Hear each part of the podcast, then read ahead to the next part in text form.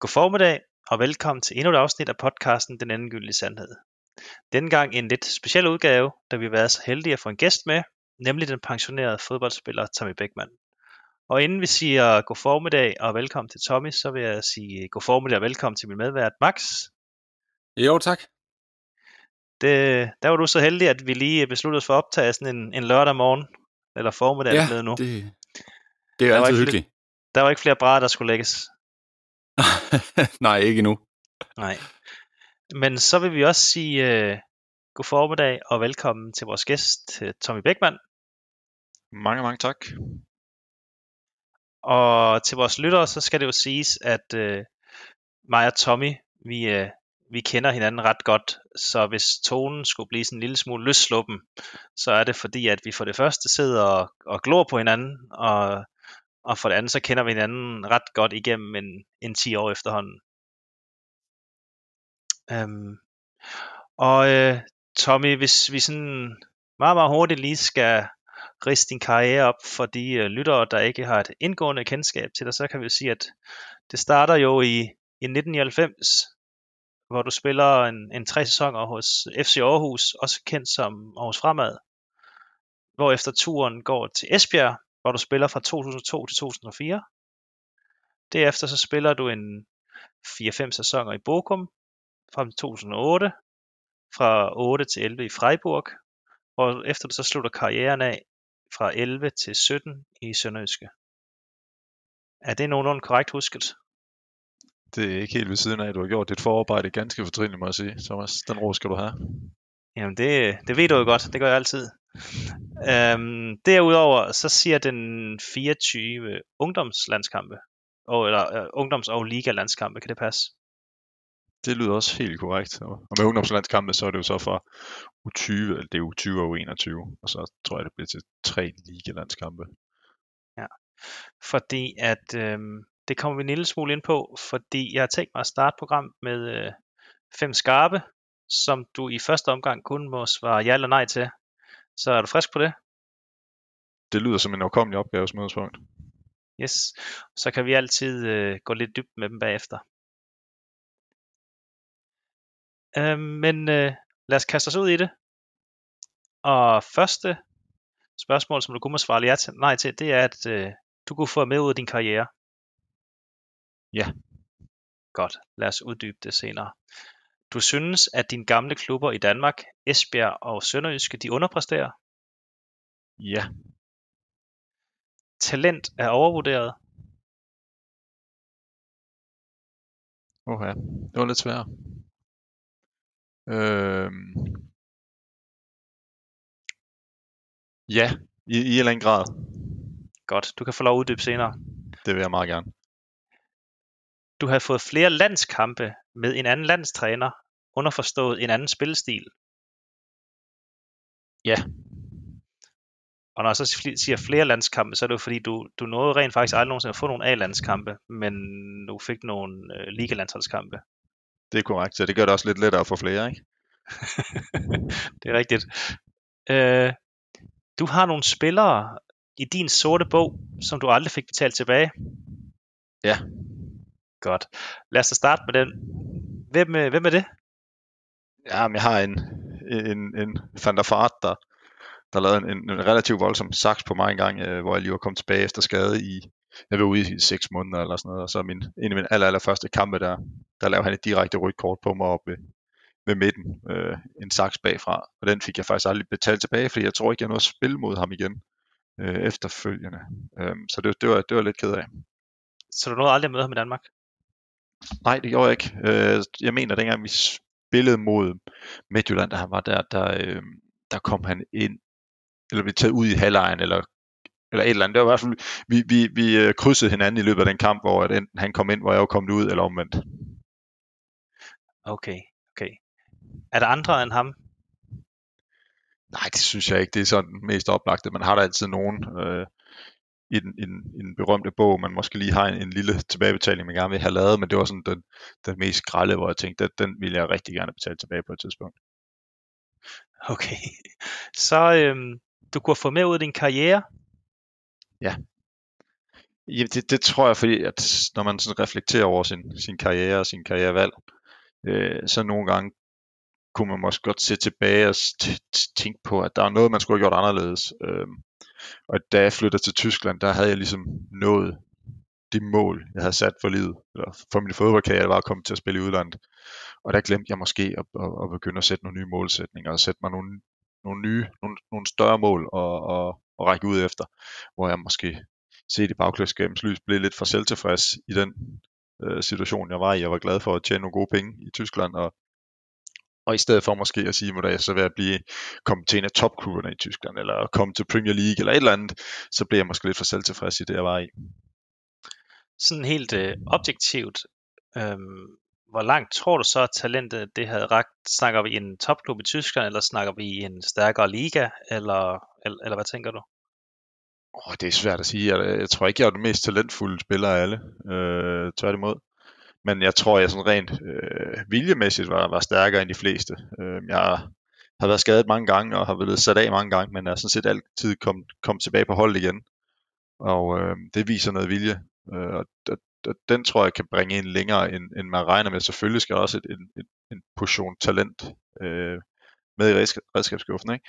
Men, men jeg har mødt mange spillere, der ret beset har været mere talentfulde end mig selv, men de har måske ikke helt haft hovedet med sig til at kunne øh, træne og begå sig i tilstrækkelig grad. Øhm, så du, du kunne godt tænke dig at, at, at måske prøve en anden liga, eller hvad? Ja, det kunne have været sjovt, selvom jeg synes nu, i den tyske liga, når du kigger rent spilstilsmæssigt, passer den egentlig meget godt til den type, jeg er, øh, og den, den type, jeg var med, med rette. Øh, så den, den passer egentlig meget godt til det. Øh, men jeg kunne da godt have set mig selv at prøve mig af i nogle andre ligaer, også i England eller andet, kunne da have været meget sjovt at, at prøve også. Øh, men, men sådan blev det desværre ikke. Okay, okay. Så øh, til noget lidt mere nutidigt, og det er, at øh, du siger, at du synes, at dine gamle klubber i Danmark, Esbjerg og Sønderjysk underpresterer.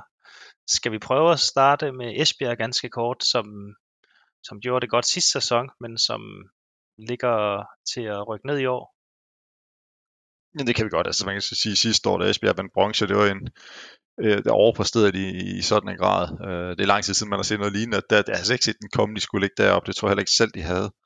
Øh, og, og i år synes jeg, at de, de ligger for langt nede. De er for langt fra.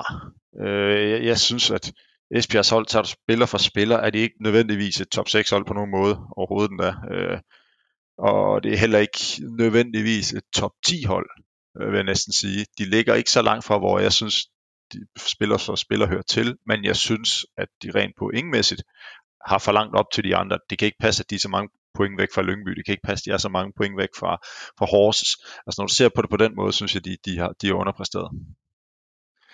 Øhm, og hvad så med Sønderjyske? Det er måske en lidt anden sag, fordi du stopper jo faktisk efter, du har vundet sølv med dem. Ja, du, eller spiller du en halv sæson mere? Er det ikke sådan der? Jeg tager lige en, jeg tager lige en halv sæson, ja. lige for Europa med.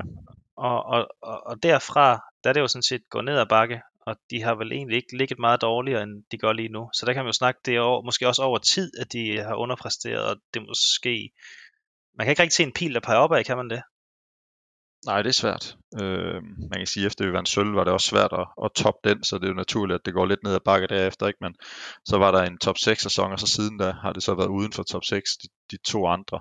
Øh, og Sønderjysk er jo ikke nødvendigvis top 6 hold hver år, men det er da et hold, der burde blande sig øh, og være tæt på.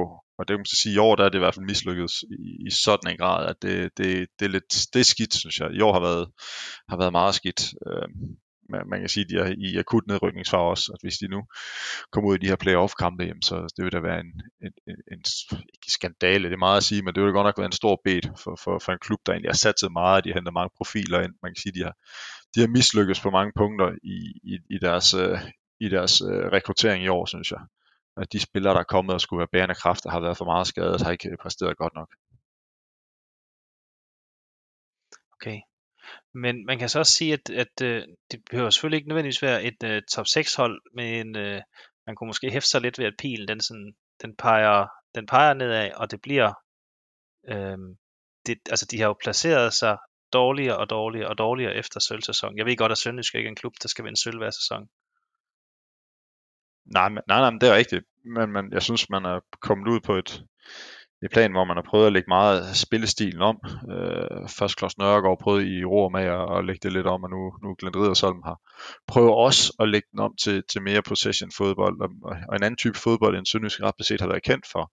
Og hvis du kigger på, på de sønderjyske dyder med, med, med vilje og hårdt arbejde osv., osv., det synes jeg ikke, det passer helt så godt ind i den spillestil, de gerne vil praktisere. Og når du ser på de spillere, de har, er det måske også mere spillere, der, der, der gerne vil spille powerfodbold som, man, som jeg egentlig også havde en forventning om, at Glenn Riddersholm ville komme med, dengang han kom, kvæg at hans tid i AGF var powerfodbold, hans tid i Midtjylland var powerfodbold.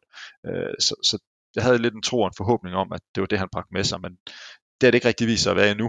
Øh, kun når det rigtig spidser til, har han ved flere omgange øh, skiftet taktik, fordi han godt kunne se, at det, at, at, at det måske var det mest øh, praktiske og det bedste i situationen for at vinde næste fodboldkamp. Øh, men, har, men han arbejder stadigvæk meget på, at, at der skal spilles rigtig, rigtig meget fodbold langs jorden, og der skal spilles ud for målmanden osv., og det, det er nogle gange ikke så, så hensigtsmæssigt, synes jeg, når du ser på, på de spillere, der er, og, og, og, og den klub, som nu er, de, de dyder, der er, og den forventning, der er til, til Sønderjyske. Godt. Og øh, den her med talent, den kommer vi ind på senere. Øhm, så lad os øh, lige tage den til det sidste, så det ikke bliver rent fodboldprogram der, men du har fået flere landskampe med en anden landstræner. Hvad, hvad, hvordan hænger det sammen? Jamen, det er også lidt med spillestil. Morten Olsen var en, en, en træner, der, der havde nogle meget, meget bestemte spillertyper, han gerne ville have til at spille rundt omkring. Øh, og jeg var en, en, han spillede kun med en angriber, og jeg var en, øh, en der helst gerne skulle have to, specielt i min tid i Tyskland, var jeg, var jeg en, en, en, en angriber, der havde brug for en marker ved siden af. Øh, der tog slåskampene for mig, og så kunne jeg løbe rundt og, og, og samle op rundt omkring ham.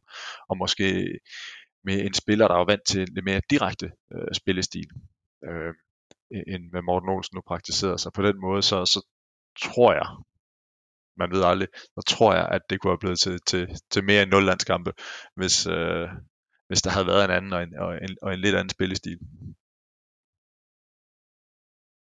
Godt. Jamen, øh, lad os øh, springe videre til det, som programmet egentlig skulle handle om. Og det var, at øh, du skal prøve at komme med nogle øh, gode råd til vores lyttere herude, som ikke nødvendigvis er fodboldspillere, eller drømmer om at blive professionelle fodboldspillere. Så de her råd, de skal mere gå på, hvordan man kan lykkes med de ting, man nu engang gerne vil lykkes med. Og det kan være lige fra måske at løbe en øh, PR til sit første maraton, til at, at lykkes bedre på arbejdspladsen. Og jeg ved, at du har øh, skrevet lidt ting ned, Tommy. Så dit første øh, gode råd, som du har brugt i din karriere til, når du skal præstere, hvad er det? Jamen det er egentlig så simpelt. Det, det er søvn. Øh, det handler om at sove. Øh, sove godt og sove lang nok tid. Øh, hvis man, hvis man har prøvet at, at have en periode, hvor man ikke har sovet ret meget og sovet særlig godt, så ved man, hvad det gør ved ens hoved. Man ved, hvad det gør ved kroppen, ikke mindst. Øh, så det er et utroligt vigtigt redskab i, i ens i ens liv, om, om det er som, som sportsmenneske, eller det er alle mulige andre steder, det er sådan set upagtet, så er det vigtigt at få en, en god gang søvn. Øh, for mig var det som fodboldspiller handlede det om, at, at hvis jeg skulle træne kl. kl. 10 om morgenen, så stod jeg ikke op klokken halv 10, eller hvis jeg skulle være der klokken halv 10, stod jeg ikke op klokken kvart over 9, og så væltede ud af sengen og så direkte op til træning. Det handler om at stoppe klokken 8, og hvad hedder det, lige komme i gang og få kroppen i gang, få hovedet i gang, få noget ordentligt morgenmad. Alle de der ting der, som man ligesom er klar til det, man skal, og der er søvn bare utrolig vigtig. Og Tommy, øh, lige en, et sidespørgsmål her til, eller afklarende spørgsmål. Øh, når du siger nok søvn, hvor meget tænker du så er nok søvn? Jamen, det er vel en, en minimum 8 timer, helst, er det ikke minimum 8, helst 11, det er sådan nogenlunde den, man, man, man ligger i. Øh, 8, det er måske lige underkanten, sådan en, en 9, 10, 11 timer skulle man helst gerne have øh, hver dag i hvert fald. Og det kommer nok også an på, hvor, øh, hvor, hvor, hvor meget man har lavet på dagen, kan man sige. Ikke? Altså som fodboldspiller var man tit meget træt øh, om aftenen, hvis man havde fysisk aktiv og havde brug for, for lidt mere søvn, end, øh, end øh, hvis man måske ikke havde været så fysisk aktiv, kan jeg forestille mig. Ja, for det søvnkrav, hvad er det? Altså er det i forhold til et, øh, er det sådan en dobbeltpas, I har, eller hvordan ser det ud sådan en typisk dag? Hvordan så det ud? Jamen, øh, det er jo meget forskelligt, øh, hvordan en, en dag så ud. Man kan sige, at i Tyskland havde vi nogle, nogle opstartsperioder, hvor, at, hvor der var to gange træning hver dag, hvor formiddagstræning gik på, på halvanden, to timers løb på landevejen, ikke? så der kom man vel hurtigt op på de der nogle 20, 25 km, man, man løb om formiddagen, ikke? og så var der træning igen om eftermiddagen, okay. hvor, hvor man havde en træning på banen, og så sluttede af med nogle gange sådan 10-15.000 meter løb, ikke? Så, så du kunne du hurtigt løbe sådan en lille maraton om dagen i, i 14 dage streg, og der vil jeg sige, der havde man brug for søvn. Der var ikke meget værd, når jeg kom hjem. Der var det direkte i seng næsten. Øh, der tror jeg, jeg sov klokken 8 hver dag. Der, der fik jeg i hvert fald 12 timer om dagen, fordi at der, der var man bare udkørt af på en helt anden måde, at man, man havde ingen fysisk overskud, øh, når man kom hjem. Og så kan man sige, så er der de andre dage, hvor det er sådan lidt, hvor der måske kun er én træning. Øh, der er man ikke helt så udkørt. Øh, det, det, der, der tror jeg, man minder mere om et, et, et i anfølgelsestegn normalt menneske, der har haft en normal arbejdsdag, at man kommer hjem og, og, og er naturligt træt om aftenen og har brug for de der ja, 9-10 timer helst. Ikke? Ja. Så men det er da også relativt øh, atypisk, er det ikke det, at øh, løbe øh, træne så meget? Jo, det er, ikke, det er meget atypisk. Det var, det var kun i Freiburg, vi gjorde det, hvor det var så ekstremt. Der havde vi 14 dage, hvor vi bare blev kørt ned under gulvtæppet og løb og løb og løb og løb. Det var deres filosofi, at jo bedre form vi var i, øh, jo mindre chance var der for, for muskelskader og så videre, så vi skulle have en, en utrolig god, øh, god øh, grundform. Øh, så det, det var den filosofi, de havde dernede. Oplevede, oplevede du, at det gik ud over din, øh, din øh, hurtighed, at de trænede så meget? Øh, det var ikke noget, jeg tænkte over. Øh, vi lavede test på hurtighed hver år. Det var, det ikke, det var ikke mærkbart. Nu var der kun i, i tre år, så det er ikke noget, sådan, jeg mærkbart kunne se år for år, øh, at, at jeg blev langsommere. For vi trænede også eksplosivitet øh, i styrketræning og sådan noget. Ja. Så det var ikke sådan, det, det kun var, var, var langdistanceløb. Det var det, når det skulle være fysisk kort, og så var det kun langdistance. Der havde vi ikke de der, som man i hvert fald mere kører i Danmark, ved jeg. De, de kortere intervaller. Øh, der kørte vi meget øh, lange intervaller i Tyskland. Ja, spændende. Godt. Så søvn, det var, øh, det var første gode råd, som alle kan optimere på. Og Max, som jeg husker det, så står der også i, øh, der er sådan, i hvert fald den her amerikanske øh, søvn, øh, hvad det nu hedder, sleep, øh, jeg kan ikke huske det, men det er også et søvnråd, eller om man skal sige det. Der mener jeg også, de starter på omkring 7,5 timer eller sådan noget. Så det er jo egentlig et, et råd, som, som alle mennesker de kan følge, det her med at huske at sove nok. Øhm, men Tommy, øh, næste gode råd, som øh, du har taget med dig, hvad er det? Jamen det er pleje din krop det lyder meget helseagtigt, øh, måske mere helseagtigt end det er. Øh, altså det, det der med, at ens krop er ens redskab, og det er jo sådan set upagtet, hvilket arbejde du har, øh, så er din krop dit redskab. Øh, om du har et fysisk arbejde, eller du, du, du, du skal bruge din hjerne, altså, så er det stadigvæk en, en, et redskab, så det er vigtigt at pleje det.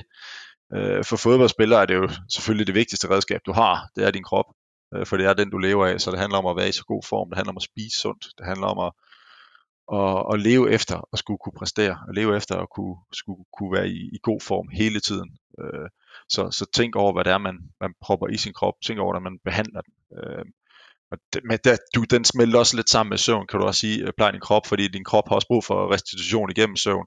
Så alle sådan nogle ting øh, kommer ind under det, det utroligt, utroligt bredt øh, perspektiv. Men, men stadig meget rammende for, for, for alle idrætsudøvere og generelt alle mennesker. Øh, man, man ved jo selv, at hvis man skal op til eksamen, jamen, så er det også vigtigt, at man har, man har spist nogenlunde, man har fået, fået søvn, man har ligesom forberedt sig på de ting, man nu skal. Øh, og, og det er jo det der med at pleje sin krop, pleje, pleje sin hjerne, så man ligesom er klar til, til de udfordringer, der venter ind.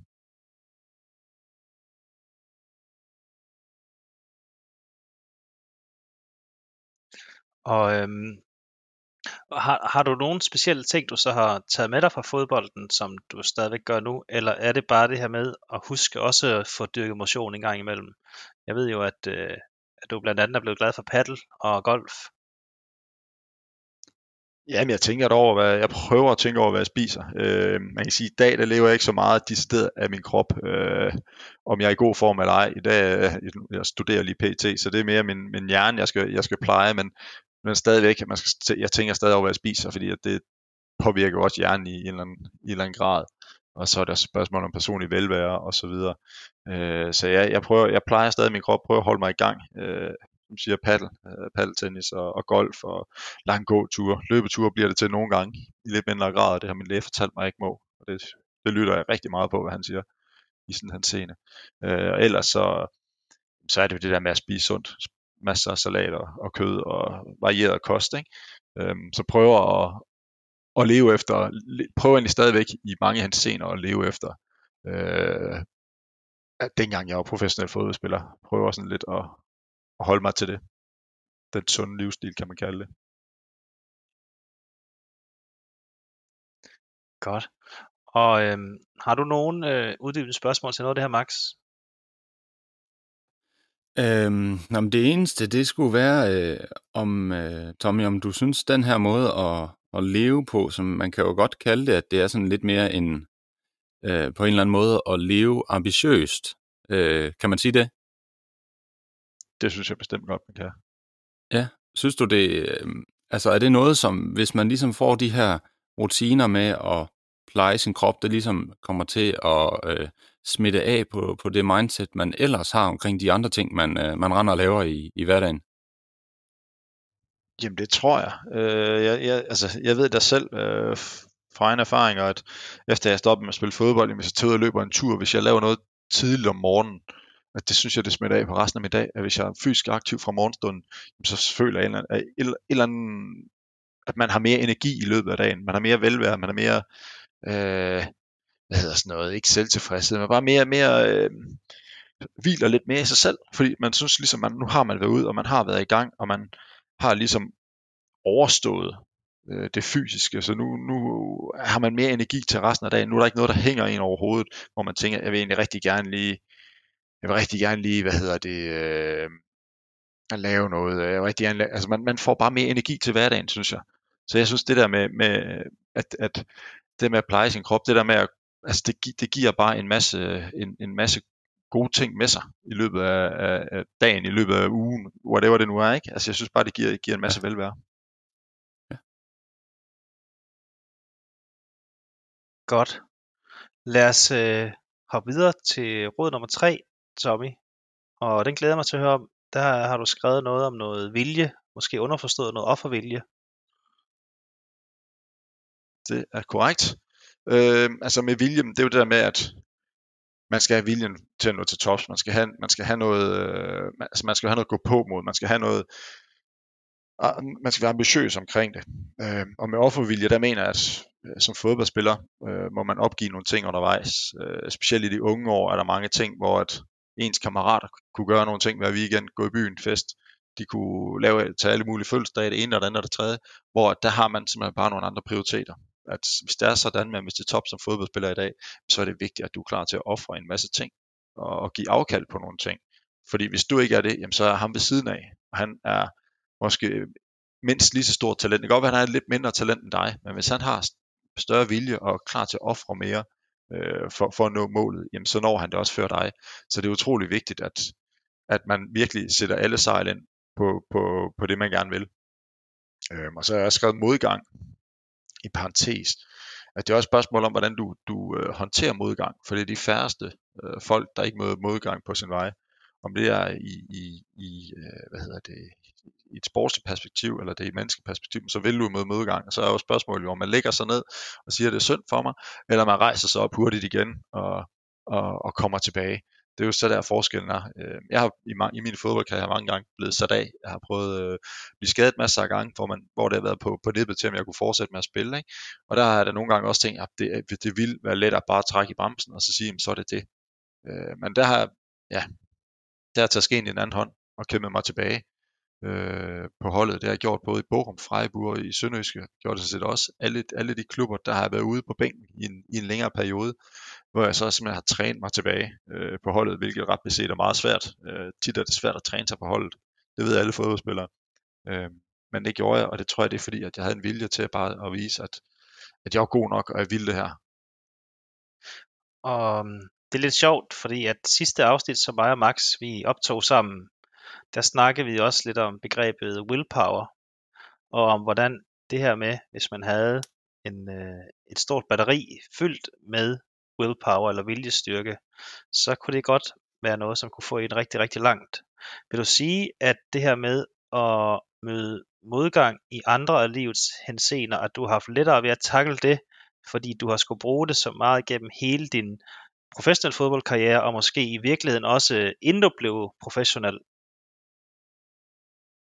Jamen, jeg tror, jeg tror, det er sundt at møde lidt modgang i løbet af livet. Øhm, jeg mødte det allerede som ungdomsspiller, var jeg ikke, øh, det har jeg sagt før i dag, var jeg ikke det største talent af dem alle. Øh, så jeg røg på anden hold som, som ungdomsspiller i, i, i AGF og sådan noget, var, egentlig, bare tæt ved at stoppe med at spille fodbold. Jeg havde lidt mistet lysten til det. Men så er det den her ukulige vilje, jeg nu havde med, at jeg, altså, jeg skulle være professionel fodspiller. Det var mit mål, og det skulle jeg bare arbejde videre med. Øhm, så jeg må, der måtte jeg tage et skridt tilbage, og, og så to skridt frem senere. Men, men det der med at ikke at, at give op, fordi det er, det er let bare at give op og sige, nå, det bliver ikke til noget. Øh, det tror jeg, det er utrolig vigtigt, at man, man lærer af de ting, af de, de, de slag, man nu får undervejs. Som selv siger, det kan du bruge senere hen i livet også. Øh, når, når, uden for banen i dag, øh, hvis, hvis man møder noget modgang, hvilket der er mange, der gør, hvilket jeg også selv har gjort, jamen, hvordan gør man så? Ligger man så ned, eller rejser man sig op øh, ved det træ, man er faldet ned fra, og så, og så kommer videre. Ikke? Og der handler det om at rejse sig op. Det, det, det er lettere sagt end gjort. Det kan være hårdt. Øh, men det handler om at, at rejse op og komme videre. Og øhm, nu nævner Thomas jo det her, øh, hvad hedder det, podcast, den her podcast omkring øh, willpower. Øh, vi har også øh, kørt en anden podcast omkring motivation, og øh, øh, det, det, det, der er interessant her, det er jo, at du siger, at det handler om at have viljen til at, at, at, at gøre det, hvis man kan sige det sådan. Øh, hvad, hvad har du øh, har du gjort noget for ligesom at, hvad skal man sige, øh, vedligeholde den her vilje, eller for, hvad, er, hvad har du gjort for at kunne holde den kørende med, med, med den her høje vilje, altså at du ikke er brændt ud, eller øh, ja, ender med bare ikke at, at give hele tiden og trække dig selv op, hvis man kan sige det på den måde? Jamen, jeg tror, det for mig var det i hvert fald de sidste par år som fodboldspiller, var det et stort spørgsmål om for mig også, hvordan jeg skulle slutte øh, min karriere af. Og der handlede det om, at det ville jeg på banen. Og det tror jeg, det var det, der var min driver der. Øh, da jeg så spillede i Tyskland, der var jo min driver, at, at dernede vil jeg gerne vise, at jeg var god nok øh, til at begå mig i Bundesligaen. Og de sidste par år var det mere, at nu vil jeg gerne øh, slutte godt af i Tyskland, nu vil jeg gerne øh, komme hjem på en god måde. Altså, så det har, det har sådan været meget forskellige driver, synes jeg, der har gjort, jamen, hvorfor er det, man, hvorfor er det, man øh, har den vilje til at rejse sig op. Øh, der kan ikke sige, at det har været det samme hver gang. Det kan det være nogle forskellige ting undervejs. Øh, Udover den øh, selvopfattelse, man også måske har af sig selv, at øh, man gerne vil lykkes. Øh, det tror jeg for mig egentlig også har været en af de store ting. At det også har været en stor driver, at, at jeg bare gerne har vil lykkes øh, som fodboldspiller. Øh, og der, derfor, øh, og, og derfor tror jeg, at, at det har været ikke lettere for mig, men det har i hvert fald været en stor motivation for mig at, at kæmpe mig tilbage, fordi at jeg, vil, jeg har gerne vil lykkes hver, hver sted, jeg nu har været, og kunne, kunne sige, at, at jeg har været god nok til at spille der, hvor jeg nu gjorde. Ja, for hvis vi, det er jo lidt sjovt, fordi hvis man øh, generelt kigger på motionsidræt, øh, så øh, inden for motivationsdelen, så ser det jo ud som om, at intrinsisk motivation er det, øh, er det, der er vigtigst i forhold til fastholdelse i øh, sporten. Altså den der indre glæde ved at dyrke en aktivitet, og, og knap så meget resultater og sådan nogle mere eksterne ting. Altså den ekstrinsiske motivation. Øh, det lyder som om, at det er en lille smule anderledes, når man befinder sig i øh, professionel fodbold. Ja, det er jo selvfølgelig også ens arbejde samtidig med. Hvad, hvad tænker du om det? Jo, men der, altså, der kan man sige, at som professionel idrætsudøver, øh, fodboldspiller i særdeleshed, er det jo et offentligt arbejde, kan man sige. Og der bliver du målt og vejet hver weekend. Øh, der er du til eksamen hver weekend. Så der er det også et spørgsmål om, øh, hvordan det ser ud udad til. Der er kun et spørgsmål om, at, at du selv skal være tilfreds med det. Der er et spørgsmål om, at andre skal være tilfreds med det et eller andet sted. Ikke? Hvorimod kondiløberen, jamen, det er, jo, det er jo dem selv, de, de skal tilfredsstille ved det her. Øh, som fodboldspiller, der er der fans, du skal tilfredsstille, og sponsorer, og der er, der er en, en, en, en bred vifte af mennesker, du, du skal tilfredsstille. Det er så meget sagt, men altså øh, en bred vifte af mennesker, hvor du ligesom skal vise, at du er god nok. Øh, så det er ikke kun at vise dig selv, det er også at vise det for alle mulige andre. Øh, og det er nok den største forskel på det at være professionel idrætsudøver, og så en, en, en, en, der, en, der egentlig bare gør det som en hobby, kan man sige. Ikke? Altså sådan rent motivationsmæssigt.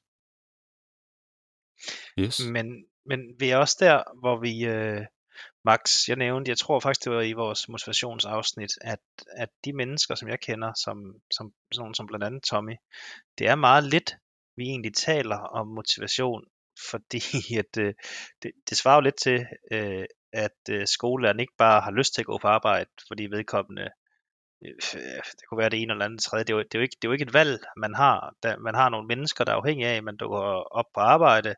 Så det er faktisk øh, ikke særlig meget, som jeg i hvert fald sådan har været vant til at snakke motivation med de professionelle sportsudøvere, fordi det er ikke noget valg, om de er med på arbejde eller ikke med på arbejde. Det er bare sådan, det er. øhm, ja, helt og så sikkert. Tror jeg, så tror jeg også, Max, nu ved du meget mere om, øh, om de forskellige motivationsformer, end jeg gør, men jeg tror også, at man på en eller anden måde, man er i det miljø så mange år, at man lærer at elske, altså det, det, det, det ekstrinsiske, det bliver egentlig deres intrins, øh, hvad hedder det, deres indre motivation. Ja, intrinsisk, ja. ja, hvis du forstår, hvad jeg mener. At det der med I... at, at vinde, øh, om det så er i et spil partners i omklædningsrummet, det, altså det er også noget af det, der bliver med til, at det er sjovt, hvis du forstår, hvad jeg mener. Det er ikke sådan en, en indre glæde, men, men, men, men glæden er der i at konkurrere på rigtig, rigtig mange forskellige parametre og gøre det godt. Ja, det der er interessant, det er jo, at der stadigvæk er, selvom det er ens, øh, ens arbejde, men det kan man jo også, altså det er jo fodbold, man kan også se det på en helt almindelig, øh, i et helt almindeligt kontormiljø eller lignende, at man kan jo være på arbejde på mange forskellige måder, og med forskellige øh, grader af indsats. Øh, så det er stadigvæk interessant, jamen, hvad er det, der giver en det ekstra skub, sådan så man får lyst, eller man øh, i hvert fald får gjort øh, den ekstra indsats i, i forhold til øh, de andre, som man jo i en eller anden grad konkurrerer imod, for eksempel i forhold til at komme på et hold i fodbold. Ja, det øh, tænker jeg da er helt, øh, hvad er det, helt rigtigt. Og jeg synes også, at det er en rigtig god glidende overgang til det næste råd, du har skrevet ned, Tommy. Og der kan jeg se, at der står noget med øh, målsætning. Jamen, det er noget, jamen, det, det er sjovt målsætning. Nu, sag, nu, nu snakker vi om før øh, tidligere, at om jeg kunne have nået længere i min karriere og så videre, og der, der var det med målsætning. Det var et sted, hvor jeg lidt glippede senere hen, at der, jeg havde en målsætning som ung om, at jeg skulle være øh, professionel fodboldspiller, og jeg skulle komme til udlandet. Der nåede, den, der nåede jeg ligesom ikke at sætte en ny målsætning. Og det tror jeg, det er utrolig vigtigt, at man, man hele tiden øh, sætter målsætninger. Øh, du skal have en overordnet målsætning. En overordnet målsætning for en spiller kan være, at fodspiller skal være, at jeg skal være verdens bedste fodboldspiller. Det er din overordnet. Men for at nå derhen, der skal du igennem en hel masse andre delmål øh, øh, for at nå derhen. Og det, her, det var jeg ikke så god til i, i, i min karriere at, at sætte målsætninger hele tiden, og jeg tog det meget mere, som det kom. Og det tror jeg, det er vigtigt, at man, man har en målsætning om, at øh, hvis, man, hvis man vil løbe et maraton, og man vil have en, hvis man vil under tre timer på et maraton, så ved man, okay, så skal jeg have nogle delmålsætninger for når derhen. Så skal jeg først kunne løbe et halvmarathon så og så lang tid. Så kan jeg, skal jeg løbe det så og så lang tid. Øh, eller på der, den, den og den tid. Så jeg tror bare, det er utrolig vigtigt, at man sætter sig målsætninger i livet. Øh, om, om nogle ting, man vil, og ligesom gør, gør, sig, gør sig op med, hvad, hvad, for at nå op til, til det overordnede mål, så skal jeg også have nogle delmål, og hvordan når jeg dem? Og de målsætninger, de, specielt delmålene, skal være relativt håndgribelige, øh, og, og nogen, der er ikke, ikke lette at opnå, men i hvert fald nogen, der kan opnås inden for en relativ periode. Hvorimod man kan sige, at overordnet målsætning er ikke noget, du behøver at kunne opnå inden for et år. Men, øh, men Tommy, hvis vi så lige prøver at spole tiden tilbage til et tidspunkt, hvor jeg ved, at det her med, at du havde et, et, øh, et stort ønske om at blive professionel fodboldspiller, det ligesom tog dig igennem en svær periode. Det var her, hvor du øh, jamen, ikke engang var på det bedste hold i, var det AGF? Yep, korrekt. Som, som ungdomsspiller. Prøv lige, hvad var det du gjorde, og hvad var det den her målsætning om at blive professionel fodbold? Hvad var det den gjorde ved din hverdag og ved din måde at handle på i den periode? Hvordan påvirkede den der? Jamen altså, det, jeg, da jeg ikke spillede i, i, på første hold i, i AGF, og var, altså det var den der med, at jeg havde en målsætning om, at jeg vil gerne være professionel fodboldspiller. Øh, og der var jeg da tæt på at stoppe og smide det væk. Øh, men omvendt så var det også bare noget, jeg ville så gerne det her. Så den målsætning gjorde også, at, at jeg trænede mere, at jeg gik ud i haven og stod og sparkede, og jeg lærte at sparke på en bestemt måde, og det, det, det lærte jeg for den periode, hvor det ikke gik så godt, at så var der nogle ting, jeg ligesom øh, optimerede på, og nogle, nogle, nogle ting, jeg gjorde, fordi at jeg, jeg vidste, at hvis jeg ville nå det mål, jeg havde, så var det det, jeg blev nødt til at gøre. Så jeg, jeg gjorde en masse ekstra ting. Så, så det, at du var eller havde så øh, klar en målsætning om at være gerne blive professionel fodboldspiller. Det gjorde, at du trænede mere, end du måske ellers ville have gjort. Og du, øh, hvad hedder det, du offrede også en masse ting, som ikke måske går lige så meget i byen, som kammeraterne gjorde på det tidspunkt. Hvis, hvis vi så spoler tiden frem til, hvor du sidder nede i Bochum og Freiburg, og der var jo tidspunkter dernede, hvor det egentlig gik rigtig godt. Kan det ikke passe, at du efter nogle spillerunder lå rigtig godt til, øh, hvad hedder det, på topscore-listen og så videre, og, og det var måske, at man måske godt kunne begynde at drømme om noget større, men, men det, det giver et udtryk for, at det, det glemte du måske at sætte dig nye målsætninger. Så hvis vi sådan prøver at sammenligne de to perioder, hvad, hvad tror du, hvis nu du havde sat dig en målsætning om at komme til, lad os sige Bayern München eller Dortmund på det tidspunkt, eller Schalke, som også var stor der, hvad, hvad kunne det have gjort på din måde at handle på i den periode? I, ja. ja, det kunne måske have gjort, at jeg, jeg selv trænede mere, end jeg gjorde. Øh, fordi, som jeg også nævnte tidligere, jeg var måske gået hen og blevet lidt selvtilfreds. Men det er jo nået, for jeg havde ligesom nået mit mål, og jeg havde ikke en eller anden ny målsætning om, at nu, mit næste mål, det var at komme til et større klub. Altså det, det havde jeg ikke. Jeg var egentlig glad for at være, hvor jeg var. Øh, og det tror jeg, det, det er noget af det, det farligste, man kan gøre, det er, at man bliver malig i, i den situation, man er, og, og sådan tilfreds, tilfreds. I hvert fald som, som professionel idrætsudøver skal du ikke være tilfreds med der, hvor du er. Der skal du altid øh, stræbe efter mere et eller andet sted, uden det skal tage overhånd. Men det, man skal forstås på den måde, at man skal altid have ambitioner, man skal altid have en målsætning om at blive bedre, og en målsætning om at kunne spille i en større klub, eller spille i en større liga, at det, det har i hvert fald en positiv indvirkning på din, på din træningsmentalitet og din, din tilgang til træning og din motivation for at lave mere end, end andre. Og det tror jeg helt sikkert, det var noget af det, jeg, jeg glippet glippede i særdeleshed i Bochum, fordi der kunne jeg godt mærke, at der, der åndede jeg lidt lettet op og sagde, okay, nu har jeg fandme, nu har jeg klaret det. Nu, har, nu er jeg i udlandet, nu kører det hele bare. I stedet for at sige, øh, jeg, jeg giver den en ekstra skalle, så jeg kommer op på en endnu højere hylde, øh, end, end jeg allerede har. Bor nogle flere timer i styrketræningslokalet, bor nogle flere, flere timer på banen. Øh, der bliver jeg formalig. Det gjorde jeg. Der, der var jeg for selvtilfreds med det, jeg havde opnået. Okay. Så man kan sige, at, at øh, i den periode, hvor, det, hvor du ikke havde opnået det, der arbejdede du rigtig, rigtig hårdt for at opnå det. Hvor man kan så sige, der hvor du egentlig var der, hvor du i anførselstegn godt kunne læne dig tilbage og sige, nu er jeg her. At det gjorde så, at du, fordi du ikke ligesom sætter en ny målsætning, at, øh, at der arbejder du knap så hårdt, som dengang du faktisk ikke var professionel. Ja, det, det er du faktisk ret i, at, at jeg lagde flere interessetimer i det, hvis man kan sige det sådan, øh, som amatør, og mens det gik mindre godt, end da det ligesom øh, var lykkes, og man kan sige, der burde man egentlig lægge endnu flere timer i det. Og det er lidt sjovt, fordi at øh, jeg var på et tidspunkt så heldig at løbe ind i øh, den bedste kvindelige golfspiller gennem tiderne, Annika Sørenstam. Og hun snakkede meget om det her begreb. Jeg, vi snakkede lidt om, hvad der sådan var årsagen til en succes. Hun har været sådan alt dominerende. Altså virkelig, virkelig, virkelig. Næsten ligesom Tiger Woods var i hans gode dage. Og hun snakkede om det her med at bygge stiger oven på stiger. At lige snart hun var tæt på og nåede mål med et eller andet, så skulle hun bygge en ny stige på, sådan så hun aldrig nogensinde var der. Øhm, og det kan man sige, det er måske lidt det samme, du siger, at, at det var noget, så at det som sådan set i bagspejlet, at du måske skulle være bedre til, det var at bygge en, en, en ny stige på der. Ja, ingen tvivl om det. Øh, det, det mangler, der mangler ligesom det næste mål, det næste håndgribelige mål, og der måske hed, at jeg skulle score fem mål i en sæson, eller jeg skulle til en større klub. Altså, det, det, det fik jeg ikke gjort, og det var nemlig det der med, at jeg nåede op for enden af stigen, og, og så følte jeg næsten ikke, at jeg kunne komme højere. Øh, Selvom der, der burde have været en, en, en stig mere klar et eller andet sted, ikke? Så stod du der og nød udsigten, kan man sige, på toppen af stigen. ja, det, ja, det er jo en fin metafor. Godt.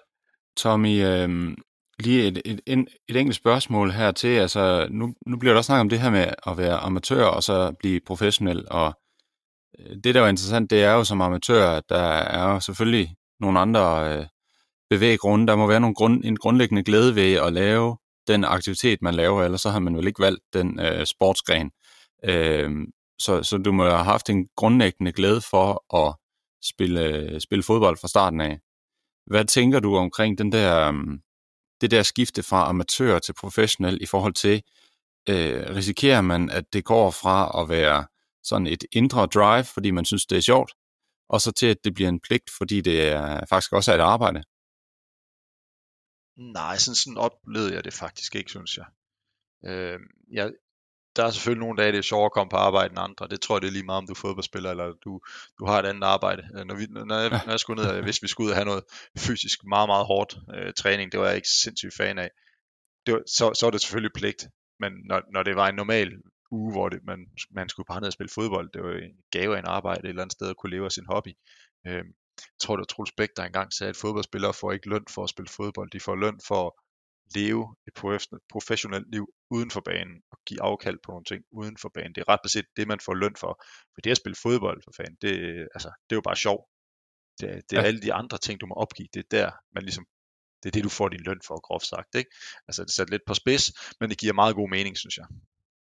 Så det, det, jeg hørte dig sige, det er faktisk ret interessant, fordi man kan sige, at for at blive en god fodboldspiller, så nytter det ikke noget, at du bare spiller en masse fodbold. Øh, du skal også, som du selv siger, lave noget konditionstræning, du skal lave noget øh, styrketræning, øh, og, og din grundlæggende motivation, indre motivation, ligger måske i fodbold, og, øh, og så kan man sige, at så skal du også på en eller anden måde have en eller anden incitament for at, øh, at få gjort de andre ting.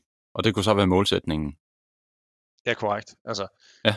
Jeg, jeg elskede også, jeg øh, elsker stadig at spille fodbold, og, og, og det var ikke øh, ret svært at komme ud på banen og træne. Det var det ikke. Øh, det var sværere for mig at tage løbeskoene på øh, i, i ferierne. Øh, det var sværere for mig at tage ned i styrketræningslokalet, øh, for det var, ikke, det var ikke der, min interesse var. Det var ude på banen. Så det var, det var der, at man siger, okay, det er min målsætning der. Hvis, hvis den skal opnås, så skal, så skal det harmonere begge ting så skal det ligesom kunne, kunne, kunne spille ind og, og, og bruge tid begge steder. Ikke? Så det var ligesom, ja. Ja, så, så, så det var målsætningen, der ligesom gjorde, at, at jeg blev nødt til det, det lyder så forkert, men at, at jeg også gjorde de andre ting, fordi jeg vidste godt, at hvis jeg skulle nå min målsætning, jamen, så, er det, så er det en nødvendighed. Ja. Men, men Tommy, nu, ja, nu, nu, nu kender dig jo ret godt, og har også set dig i, i fodboldkredse og så videre. Du har jo altid virket som den her glade dreng, og du har været med til at, at styre bødekasserne, og du har været med til at sørge for, at der også var noget hygge i omklædningsrummet med sodavand og, så, og så videre, de her ting. Men, men den her, øh, det her, at du, øh, hvad kan man sige, ikke var i gang med at bygge stiger oven på stiger, men at du egentlig lidt læner tilbage tror du omvendt, at det har gjort noget, noget, noget godt for dig også i forhold til, at øh, du har været så afslappet i omklædningsrummet og, og så vældigt, og, og, og ligesom har haft måske fokus på nogle andre ting. Altså har det også gjort, at du egentlig, at du har haft en lang karriere også, kan man sige, en, som man lige tæller en 18 år i professionel fodbold eller sådan noget. Tror du, det, det, tror du også, der har været noget godt, at du ikke har haft travlt med at bygge stiger, men egentlig også nogle gange har husket at stoppe op og så nyde udsigten? Øhm, ja, både og. Altså, jeg vil stadigvæk påstå, at man kan godt begge dele. Øh, det, det vil jeg tro. Men jo, altså det, for mig har det socialt også betydet utrolig meget. Øh, det har betydet utrolig meget i, at, at, at det har været sjovt at komme der, øh, også i omklædningsrummet. Ligesom alle, altså fodbold, det er jo en arbejdsplads. Nu sidder jeg godt nok og siger, at det er bare ren hobby, men det er jo stadigvæk en arbejdsplads, hvor man skal have det sjovt, og man skal være glad for at komme. Øh, og det er man også så vanligvis. Øh, men, men det kommer ikke af sig selv. Der skal også lægges et arbejde i, at, at det socialt fungerer i, på et fodboldhold. Og der tror jeg, at specielt i min tid i Danmark lagde jeg rigtig meget øh, vægt og rigtig meget tid i, at, at det sociale også skulle, skulle kunne øh, løbe rundt og skulle kunne fungere, og folk havde det sjovt. Øh, og det, det, det betød meget for mig også. Det, som menneske har jeg også behov for, at det, det er sjovt at komme, ellers så kan jeg også godt miste gejsten. Øh, og det, øh, så jo, det kan jeg godt have været med til at forlænge min karriere på, på et eller andet punkt, at, at det kunne være med, at det var med til at opretholde min, min motivation og min, min vilje, også det der med vilje, ikke for at komme tilbage til den, ens vilje, det er også et spørgsmål om, at, at hvis man har det sjovt sammen med sine holdkammerater, man har et godt fællesskab, jamen så er ens vilje, ens offervilje til at ofre, for, øh, ofre sig for sine holdkammerater, den stiger også. Så det der med det sociale, det er også, det er også øh, kører, det, det, det, det er jeg ikke i tvivl om, at det var vigtigt for mig. Der tror jeg, det er forskelligt, hvordan man er fra, fra person til person. Øh, som selv siger, der er måske nogen, der, der bare sætter stige på stige, som måske ikke har det samme behov for, at der skal være et socialt øh, hygge også, hvor de bare kan sige, at vi kører bare lige ud. Øh, vi, vi skal bare, vi, vi har ikke tid til at, til at sidde og hygge og have det sjovt med andre. Vi, det er bare videre ind og træne. Altså der, der tror jeg, det er sundt at finde en, en, en gylden mellemvej, det er sgu så meget sagt, men en, en, et sted, hvor man i hvert fald kan gøre begge dele. Øhm, nu prøver vi jo i den her podcast at trække nogle tråde i til nogle andre arenaer. Øh, måske der sidder nogen og lytter med, som gerne vil gøre karriere inden for erhvervslivet. Måske der sidder nogen, som gerne vil løbe en rigtig øh, hurtig tid, øh, øh, hvad hedder det, i triathlon, eller, eller hvad det nu kunne være, eller svømme hurtigt, eller spille bedre håndbold at du har nævnt det her med sjov mange gange, og det her med det sociale. Øhm, hvor vigtigt tror du, eller, eller synes du, det er, at, øh, at det sociale aspekt også får lov at fylde noget?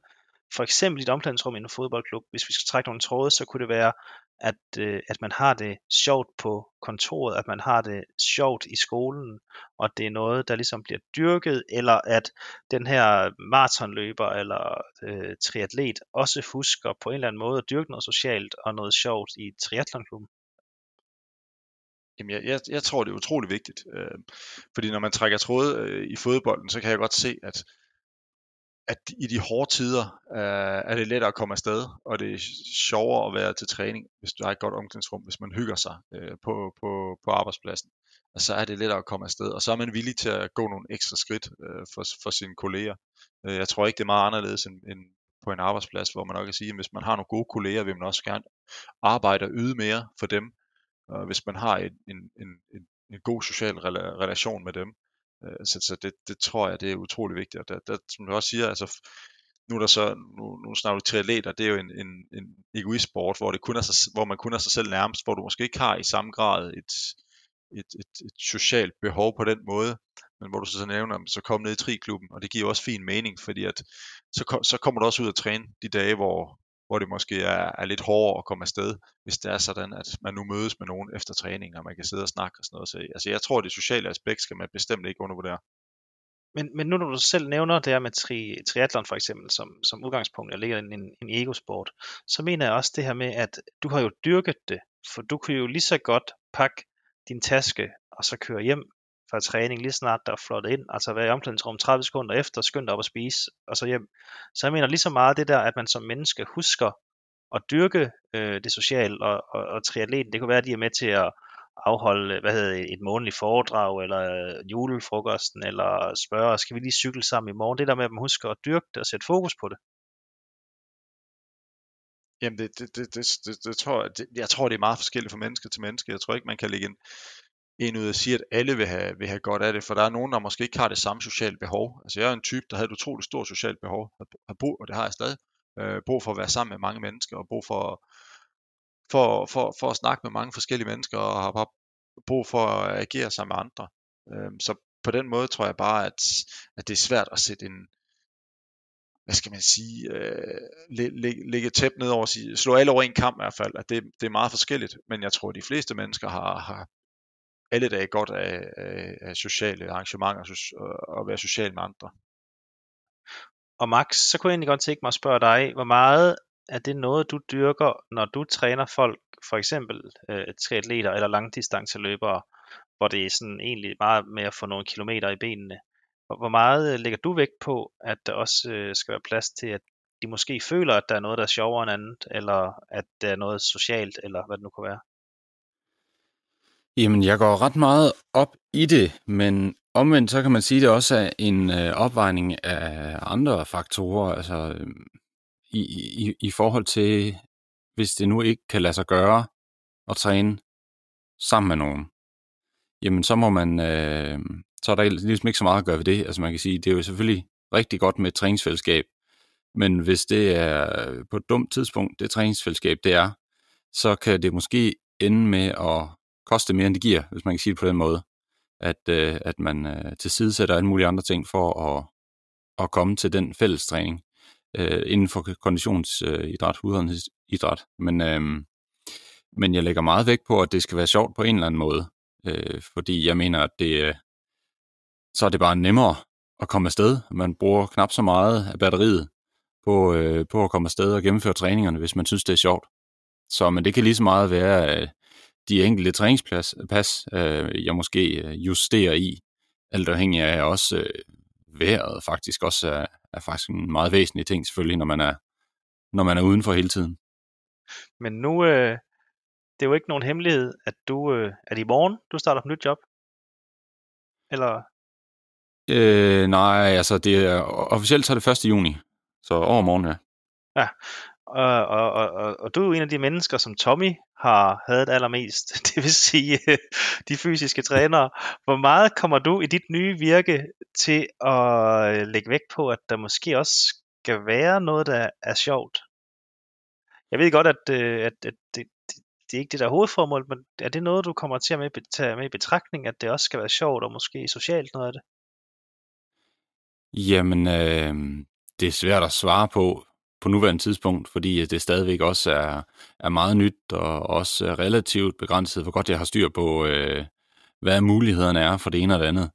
Øh, men det er helt klart, at hvis du har to muligheder for et træningspas, som er lige effektive, og den ene er sjovere end den anden, så er det klart, så vil jeg vælge den sjove til enhver tid. Okay. Okay, men er det, så er det er jo det, det handler kommer, om, at man kan sige... Men, men er, det, øh, er det noget det, du kommer til at undersøge, hvad spillerne også synes er, er sjovere end andet, eller er det noget, du sådan lægger mærke til undervejs? Jamen det vil jeg da helt klart også. Øh, jeg vil jo meget gerne have en tæt dialog med, øh, med spillerne i en eller anden grad, så meget som det nu kan lade sig gøre. Øh, sådan som man både får øh, at blive klogere på, at det er noget, de synes, der er fedt det her, øh, men jo lige så vigtigt, hvis jeg nu tænker, at det var hårdt på den her måde, øh, oplever de så også, at det er hårdt på den måde, eller er det øh, noget helt andet, øh, de synes, der, der er hårdt ved passet, eller var det måske slet ikke øh, så hårdt, som jeg havde tænkt, eller var det meget værre, end jeg havde tænkt. så, så dialogen med spillerne er rigtig øh, vigtig, synes jeg. Vi skal, man skal have noget feedback for at, at øh, kunne lave de rigtige justeringer i træningen fremadrettet. Og hvad tænker du om det, Tommy? Nu har du været udsat for, jeg ved, mange forskellige fysiske trænere, lige fra din tid i, i Aarhus, hvor det måske ikke var så udbredt, til Esbjerg, til Tyskland, hvor det nok har været på en bestemt måde, og så tilbage i Danmark igen. Hvad, hvad, hvad tænker du det om Max, han siger, det her med, at han øh, gerne vil meget i dialog med spillerne om, hvad der fungerer for dem, og have feedback for dem? Jamen det synes jeg, det giver, det giver rigtig god mening. Øh, nu er, som selv siger, jeg har prøvet mange forskellige typer, typer fysiske trænere, der, der har stået for lavbasale ting, som, som en opvarmning. Opvarmning kan jo, kan jo være mange ting, men øh, jeg, jeg kan huske en episode, der spillede i Freiburg, hvor vi skulle løbe øh, i fire rækker og lave høje knæløftninger, og hvad man nu ellers laver til, til opvarmning. Alt uden bold øh, som udgangspunkt øh, hvor man tænker lidt, jamen der kan man godt ligge lø, løbe og hygge og have det sjovt og sådan noget. Det, det gjorde jeg selvfølgelig også. Løb og hygge snakket med, med min holdkammerat, og vi jokede lidt og lavede lidt fis og ballade, indtil træneren han stoppede træningen og sagde, det du ikke, at øh, nu skulle vi koncentrere os om de skide høje knæløftninger og sådan noget, ikke? Hvor, hvor, jeg, hvor jeg er sådan lidt, øh, det er nok en meget tysk mentalitet, hvor jeg er sådan lidt mere dansk på, på det punkt, hvor jeg tænker, jamen altså, det handler det også om at, at, at, at veje op, hvornår er det, at vi arbejder hårdt, hvornår er det, vi arbejder seriøst, og hvornår arbejder vi egentlig bare for, at komme, for lige at komme i gang, og, og så videre. Ikke? Øh, og når jeg siger, at vi, løb, vi løber og lavede lidt fis og ballade, så er det ikke, fordi vi ikke lavede øvelserne. Vi lavede skam det, vi skulle. Øh, vi, vi grinede bare, mens vi gjorde det. Øh, og det, det, det, der synes jeg, man, det, det er lidt overkill, når man, når man tager, tager den form for, for hygge væk, og den form for, for sjov ballade, fordi at en opvarmning kan hurtigt øh, blive en tør omgang, hvis du bare skal løbe frem og tilbage, øh, uden, uden om at sige noget. Hvad siger du til det, Max? Må man gerne grine, når man laver høje knæløftninger? ja, det må man helt bestemt, hvis du spørger mig. øh, så, så længe man... Øh, det, er jo, det er jo igen, som Tommy siger, hvad er det, der er ideen med det? Ikke? Altså, er man nede i en eller anden meget specifik teknisk detalje med de høje knæløft, så kan det godt være, at man skal fokusere 100% på, hvad det er, man laver, men hvis det bare er for at få øh, gang i kroppen, så, øh, så får man nok også gang i kroppen, selvom man, øh, man griner lidt undervejs, tænker men, jeg. Men Max, kan vi ikke også godt blive enige om, at det er lidt gammeldags det her med, at det er ligesom, at lige så snart tingene de er sjove, så er der nogen, der mener, at det er lige med øh, fald i kvalitet. Helt bestemt. Altså, man kan vel godt lave en ordentlig knæløftning, samtidig med, at man har smil på læben. Det ene behøver ja, det, det, det tænker jeg da. Den. Og det er jo meget til, over, det, det, det, det, spiller jo meget godt ind i vores øh, modstand imod det her enten eller og sort-hvid tænkning, at øh, for eksempel ja. enten, øh, enten øh, så griner man, og hvis man gør det, så er det så lige med, at det er lort. altså det, ja. det er sådan, så, sådan, sådan, så tænker jeg ikke lige, at man kan gøre det, men øh, det siger måske lidt mere om den tyske mentalitet. lad, lad os hoppe videre til øh, det femte gode råd, som øh, du har taget med, Tommy, til folk, der gerne vil lykkes med det, de nogle gange gør. Og det er noget med noget, øh, at man skal være god til det, man gerne vil være god til.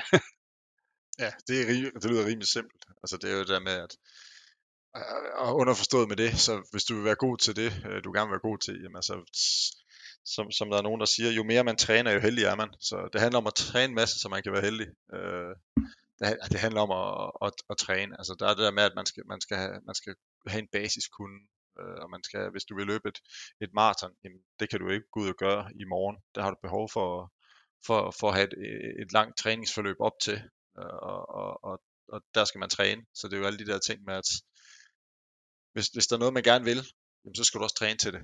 Øh, og, og, og det er mange, mange, mange timer, man skal bruge på det. Og det, det kommer ikke hen over natten. Så det er det her med, at øh, hvis, hvis nu tandlægen skal tage et eller andet med for det her, så er det altså ikke nok, at vedkommende sover og plejer sin krop. Han skal også vide lidt om, hvordan man nu engang går ind og opererer tænder. Det vil jeg antage, ja. Jeg tror ikke, jeg tror ikke man får lov til at være tandlæge, uden at have åbnet en bog undervejs og gennemført nogle studier og, og, og læst en masse ting. Så, så ja, det er jo det der med, at der er nogle, nogle, nogle, gen, nogle basis ting, du skal igennem. Øh, om det, om det er øh, at læse til tandlæge, eller det er noget, noget andet, om, om det er at træne en masse øh, løb. Øh, det kan være mange ting, men der er ganske ikke nogle basis ting, du skal øh, gennemføre, for at du kan lykkes. Så der er ikke så meget Pippi Langstrømpe over det i forhold til det med, øh, hvad er det ikke Pippi Langstrømpe, der siger det her med, at det har jeg ikke prøvet før, så det kan jeg nok godt. At øh, det, er jo ikke, det er jo ikke lige det, man gerne vil have sin tandlæge eller sin øh, hjertekirurg står og siger lige inden man skal på der. Heller ikke selvom Pippi nu engang måske har sovet og, og spist op, og hun har en vilje i en anden verden, så er det altså ikke nok, øh, at øh, hjertekirurgen eller tandlægen øh, siger, at det, det kan jeg nok godt. Man får det vilje er der vej, men der, der er stadigvæk nogle ting, der skal læres, inden, inden man når helt i mål, tror jeg. Og det, og det, det, det gælder nok for, for de fleste ting. At selvom det, det, det, det er en meget god øh, indgangsvinkel, at, at det, det har jeg aldrig prøvet før, så det kan jeg sikkert godt. Det er en, en super god indgangsvinkel, men øh, den holder ikke altid hele vejen. det er faktisk noget af det, som jeg synes, jeg har hørt, at øh, atleter, de, øh, de, øh, hvad hedder det, øh, de får ros for, det er, at de går meget op i at blive bedre, når de, når de kommer ud på arbejdsmarkedet. Jeg mener, det var Mads Laudrup, som øh, fik meget ros for, at han var så kritisk i hans tilgang til at kunne være studievært. Jamen det kunne jeg, det kunne jeg godt forestille mig. Altså, jeg, jeg stiller mig også meget kritisk over for de ting, jeg gør. Man har vel, jeg tror som idrætsudøver har du sådan et, et, et vindergen, at du vil være god, du vil være den bedste øh, til det, du nu engang laver. Øh, og, og, og der, når man har det sådan, så stiller man sig måske også kritisk over for sig selv. Øh, og man, man, man er nok sin, sin, sin, sin største kritiker, ens egen største kritiker, når, når det kommer til, til hvad man laver. Det, er sådan, sådan kan, det kan jeg også mærke med mig selv, at øh, hvis, jeg, hvis jeg har et eller andet projekt, så er, så er jeg nok den, der kritiserer det mest. Godt, og øhm, vi har jo lidt sådan uskreven regel, at vi, vi vil rigtig gerne se, om vi kan holde os under en time, og det får vi lidt besvær med i dag, for vi er på en 58 minutter. Men hvis vi lynhurtigt øh, lige øh, lister de her gode råd op, som øh, du har kommet med i dag, Tommy, så er det det her med, at man skal huske, at øh, man skal sove nok. Det er sådan lidt basis i forhold til, at man skal fungere. Man skal gå op i sin krop. Øh, vi har trods alt kun én, og det er det redskab, vi nogle gange har at bruge til øh, de forskellige erhverv, vi nogle gange dyrker. Så har du snakket noget om noget offervilje, specielt øh, når man møder modgang. Vi har snakket noget om det her med målsætning, og, og, og vi kom lidt på det her med at bygge stiger oven på stiger, at der er forskel på at, at stille sig op og nyde udsigten, når man var nået til tops, eller om man byggede en mere på. Og den sidste, det er også en rimelig sådan basis der med, jamen altså, du skal være god til det, som du gerne vil være god til, eller det, som du nogle gange dyrker. Det er ikke nok, at du tror, du kan, eller du tænker positivt, eller du sover nok, eller spiser op. Du skal altså også træne de her basisfærdigheder. Jeg tænker, der, der ja, godt. Har du nogle øh, afsluttende bemærkninger, Max? Nej, jeg tænker egentlig, vi, er, vi har været meget godt omkring. Det har været rigtig spændende at, at have dig med, Tommy. Jamen tak i lige måde. Det var, det var sjovt at deltage. Så er der ikke så meget andet end at sige tak til dem, der lytter med og tak til Tommy, fordi han var deltage, og øh, at vi høres ved.